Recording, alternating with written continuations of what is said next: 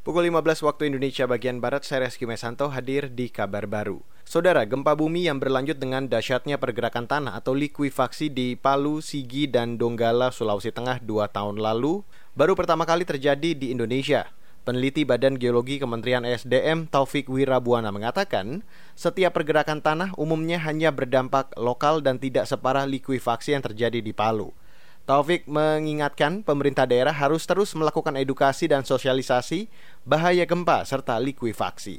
Uh, mensosialisasikan solusi rumah yang tahan gempa dan likuifaksinya yang jelas dengan biaya terjangkau. Inovasi teman-teman engineer lah bisa melakukan ini. Kemudian uh, tata ruang berbasis bencana uh, untuk bangunan vital dan strategis seharusnya sudah sudah saatnya menggunakan rekayasa engineering, engineering lah seperti rumah sakit, limbah B3 uh, dan sebagainya lah. Itu harus sudah uh, lebih lebih detail lagi. Memperingati tepat dua tahun gempa bumi dan likuifaksi di Palu, Sigi, serta Donggala, peneliti di Badan Geologi Kementerian SDM Taufik Wirabuana menyarankan pemerintah daerah menetapkan lokasi titik kumpul evakuasi bila terjadi bencana. Sebelumnya, pada 28 September 2018 lalu, kota Palu dan sekitarnya diguncang gempa dengan magnitudo 7,5 skala Richter, sumbernya dari aktivitas sesar Palu Koro Guncangan gempa mengakibatkan juga pergerakan tanah atau likuifaksi.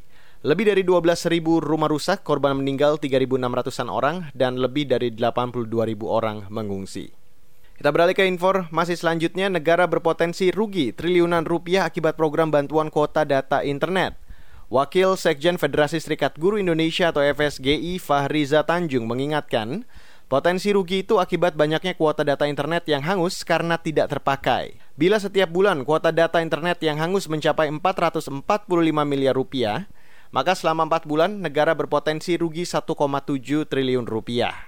Berkaitan dengan kebutuhan pembelajaran daring, kami menilai bahwa eh, apa bantuan kuota internet tersebut berpotensi tersisa dan tidak terpakai karena kuota sisa akan hangus bersamaan dengan habisnya masa aktif kuota. Nah, kami memprediksi ada sekitar 15 GB dari total 30 GB yang ada pada kuota belajar untuk siswa tersebut tidak akan terpakai. Nah, kami coba menghitung potensi kerugiannya dengan harga perkiraan per gigabyte-nya itu Rp1.000. Wakil Sekjen FSGI Fahriza Tanjung menambahkan, Kemendikbud harus mengantisipasi potensi rugi akibat hangusnya kuota data internet milik puluhan juta siswa. FSGI menyebut kerugian hingga 25% dari total anggaran bantuan kuota internet 7,2 triliun rupiah antara lain bisa untuk membangun 9 sekolah baru atau membangun 5.000 unit perpustakaan dan laboratorium.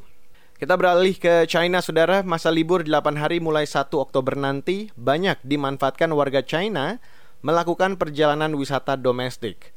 Pelaku usaha perjalanan dan wisata memperkirakan bakal meraup laba selama libur Golden Week atau Minggu Emas yang memperingati 71 tahun berdirinya Republik Rakyat Cina. Platform perjalanan Trip.com memperkirakan 600 juta rute perjalanan domestik bisa terjadi meskipun tidak akan ada perjalanan ke luar negeri karena masih banyak negara di dunia memberlakukan kewajiban karantina kepada setiap pendatang. Tahun lalu, libur Minggu Emas dimanfaatkan 7 juta warga Cina dengan melakukan 782 juta rute perjalanan dalam dan luar negeri. Demikian kabar baru KBR saya Reski Mesanto.